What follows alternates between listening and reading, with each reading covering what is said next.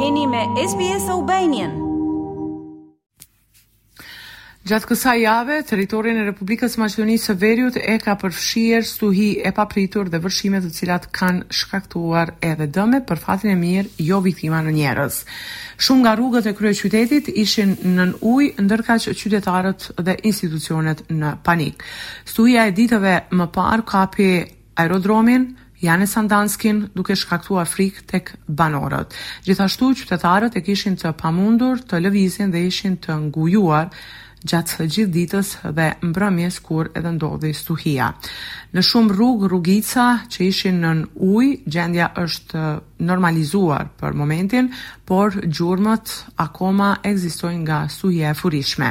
Një ditë më parë qytetarët janë bllokuar nga sasi e madhe e ujit në automjetet e tyre, përfshirë edhe ambulancën e cila ishte bllokuar në rrugë.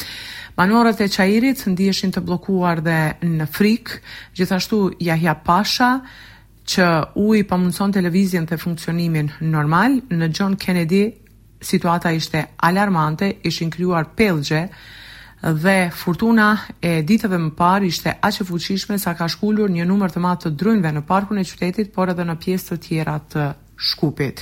Shumë makina janë edhe të dëmtuara, kurse të parët e institucioneve dhe krerët e komunave kanë bërë të pamundurën, duke vënë në shërbim gjithçka për mbrojtjen e qytetarëve dhe që të minimizohen dëmet. E në anën tjetër, dyqind e pesëdhjetë e pesë mijë nxënës të shkollave fillore dhe të mesme në Maqedoni kanë nisur vitin shkollor dy mijë e njëzet e dy dy mijë e njëzet e tre, në të cilin pas dy vitesh pandemie do të nisë mësimi pa protokolle anti-Covid dhe pa maska mbrojtëse. Për nxënësit e klasave të para, të dyta, të katërta dhe të pesta janë përgatitur plan-programe të reja për lëndët, sipas konceptit për arsimin bazë, i cili është zbatuar me faza që nga viti i kaluar dhe sipas planit duhet të përfundojë në pesë vjet në të gjithë arsimin nëntëvjeçar. Tekstet, sipas planprogrameve të reja, janë në faza të ndryshme të miratimit dhe deri në marrjen e tyre, nxënësit e këtyre klasave do të mësojnë nga materialet përkatëse në të cilat janë shtjelluar përmbajtjet e tremujorit të parë. Ministri Jeton Shaqiri, në një konferencë për media, ka theksuar se Ministria e Arsimit dhe Shkencës është shumë më e përgatitur se viteve të kaluara, sepse në ditën e parë të shkollës të gjithë nxënësit do të kenë materiale mësimore për klasën e parë, të dytë, të katërt, të pestë dhe tekste për pjesën tjetër të klasave fillore dhe të mesme.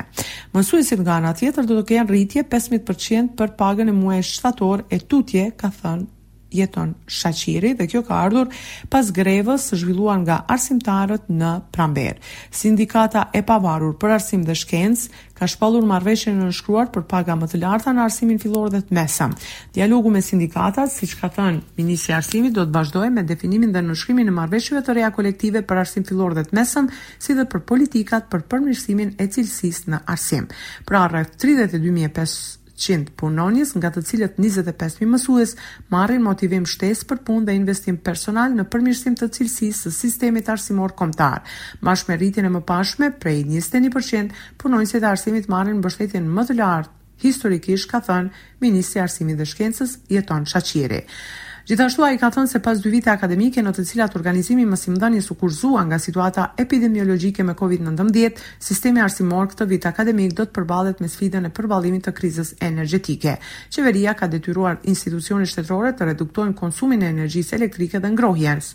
Në pyetjen që i është bërë ministrit Shaqiri se sa është e rëndësishme që shkollat të mbeten të hapura dhe si do të menaxhohet kriza energjetike, ai ka thënë se është krijuar një grup punues për koordinim me Ministritë e Ekonomisë, Financave dhe institucionet tjera kompetente. Për Ministrinë e Arsimit është e rëndësishme që procesi të vijon, andaj pritet që të kemi shkolla të hapura, të bashkëpunohet mirë qeveria, të bashkëpunojmë me pushtetin vendor dhe t'i menaxhojmë punët e arsimit fillor e të mesëm.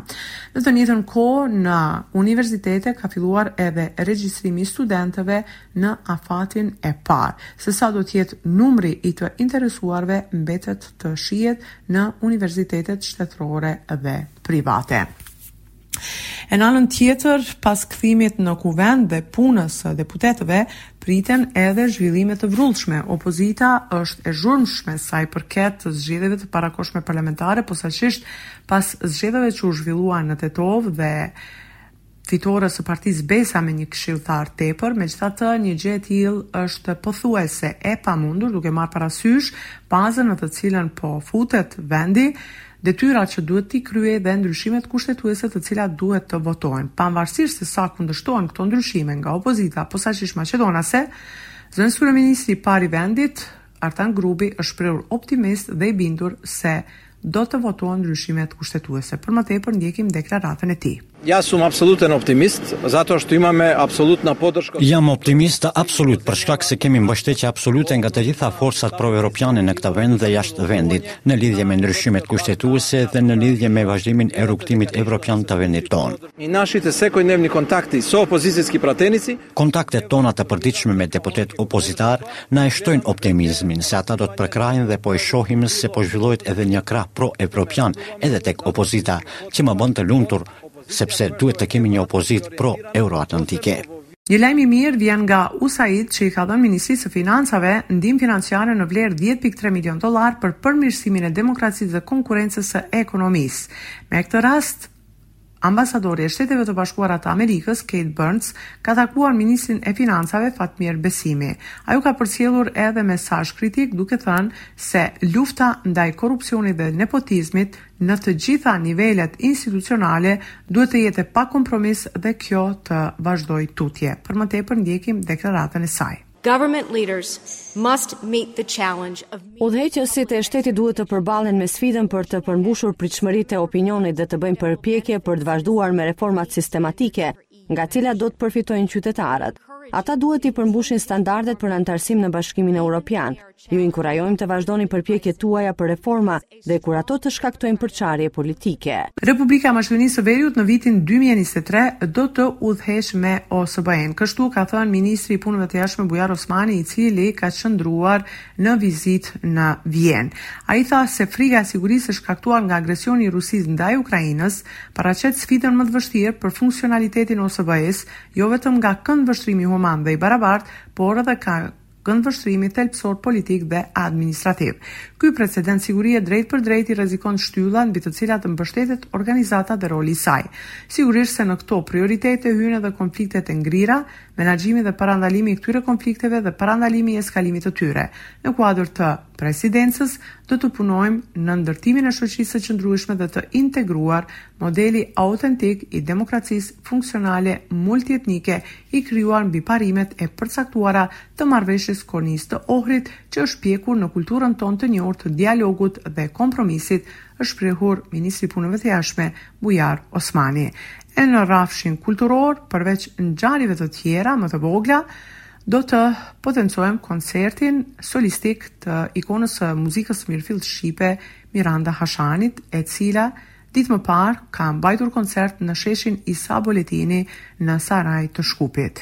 Me këngë lirike, epike, të njohura të të gjitha trevave tona, është shënuar njëqind e dhjetë vjetori i çlirimit të Shkupit, me ç'rast përfaqësues nga komuna e Sarajit kanë mbajtur fjalim, ndërkaq Miranda Hashani bashkë me miqtë e saj ka shfaqur një program të larmishëm para artdashësve të shumtë. Për radion SBS raporton nga Republika e Maqedonisë së Veriut, Besiana Mehmedi. Klikoni në like, ndani dhe komentoni SBS Albanian në Facebook.